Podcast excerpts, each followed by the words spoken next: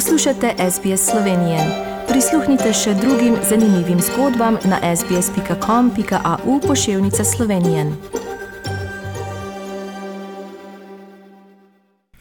Drage poslušalke, spoštovani poslušalci, nadaljujemo z današnjo slovensko oddajo na radiju SBS, danes v soboto 12. junija 2021. Spominjamo se davnega leta 1991, ko je Slovenija postala samostojna. In sedaj na drugi strani telefonske linije, sicer v Viktoriji, sva obe, pozdravljam gospo Anico Markič. Lep pozdrav. Lep pozdrav, Katarina, in pozdrav poslušalcem radia SBS. Gospa Markič, pred nekaj dnevi ste mi poslali iz utrinke oziroma slike iz revije Misli, kjer je objavljena vaša zgodba, vaša življenjska zgodba, kako ste prišli v Avstralijo, kdaj ste prišli.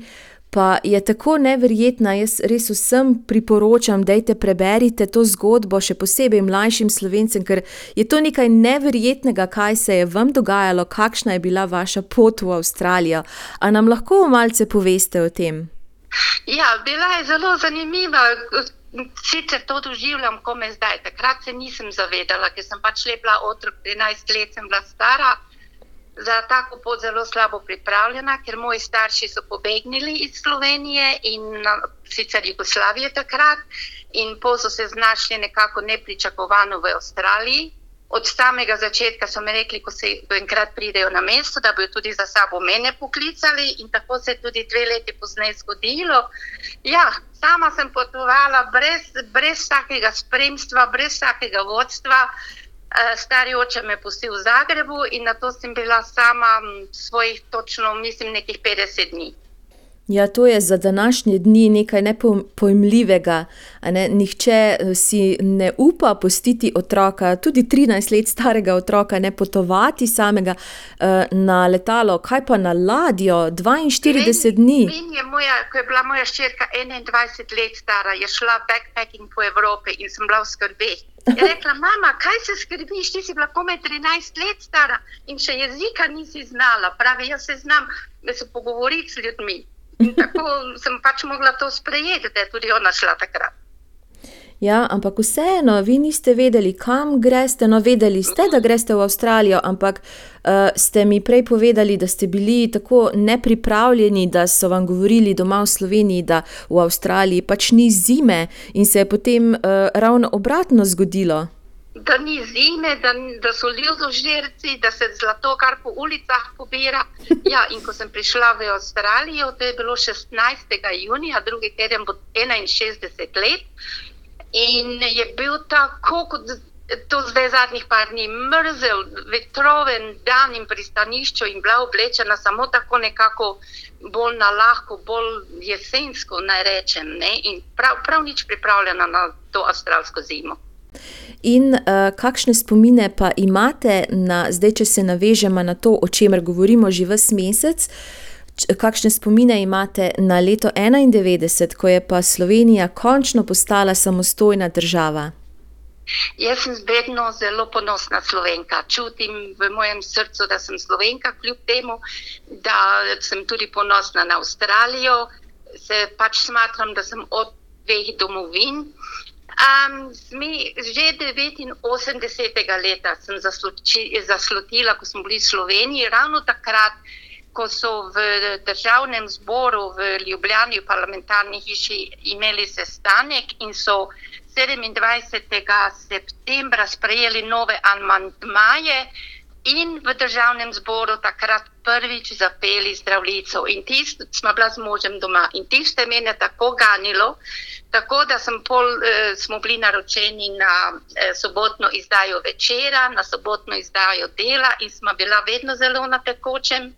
Tudi v tukajšnjih eh, dnevnih časopisih je bilo vedno več pisanja o problemih v Jugoslaviji in možnosti, da se bo Slovenija odcepila. In 91 je pa za mene res zelo, zelo pomembno leto.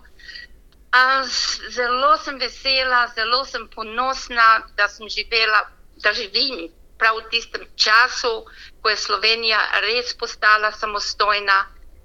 čeprav smo vsi se zavedali tisti dan, ko je bilo, no, prav, mi smo dobili sporočilo 26. junija, rano zjutraj, češ Slovenija je proglasila samostojnost in to mi je v srcu kar nekako zaigralo.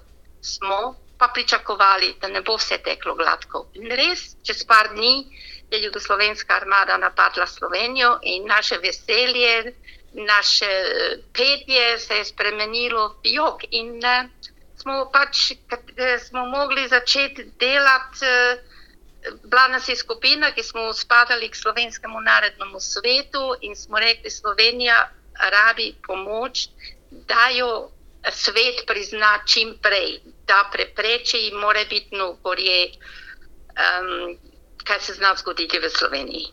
Nikoli nisem mislila, da se bom odeleževala manifestacij, protestov in to smo storili um, tam juko, točno, koncu junija na, na, no, na trgu v City Square. Nas je bilo več tisoč, ker so bili tudi Hrvati in druge narodnosti. Sem bila oblečena v narodno nošo, sem, sem dajala ven eh, plakate, nagovarjala ljudi, zakaj Slovenija rabi pomoč, zakaj treba biti, eh, zakaj treba biti eh, prepoznana kot samostojna, eh, suverena država. Eh, potem smo pisali eh, sestankov, imeli smo ogromni sestankov, ker sem bila v odboru Slovenskega narodnega sveta. In ti sestanki so šli, oh, se končali veliko krat po polnoči, zelo pozne ure. Um, pisali smo pisma, delali pritiske na avstralske parlamentarce, na številne uh, veleposlaništva v Avstraliji, telefo, uh, telefonske klice. Jaz sem si celo vzela teden dni dopusta, da sem lahko vse to delala, ker to je tisti čas, je bil za res nekaj težko dopovedati, težko opisati, ampak smo pa bili za, res zagnani in se je, šlo, se je šlo za Slovenijo. Gospa Anica Markič, jaz se vam najlepše zahvaljujem, da ste z nami delili vašo zgodbo in seveda se vidimo 25. junija in vabim slovence širom Melbourna posebno, da se udeležite, če se le lahko. Tudi bo, lahko pri, eh, se prijavite za avtobus, kateri bo peljal, najprej bo poviral ljudi nekje v Kielu, v okolici, na to pa iz Kielu pri cerkvi, okrog 11. ure bo odhod za na City Square, na pa Federation Square, naj rečem. In upam, da se tam vidimo in res pač doživimo eno lepo družabno, en lep družaben dan. Všečkaj, deli, komentiraj.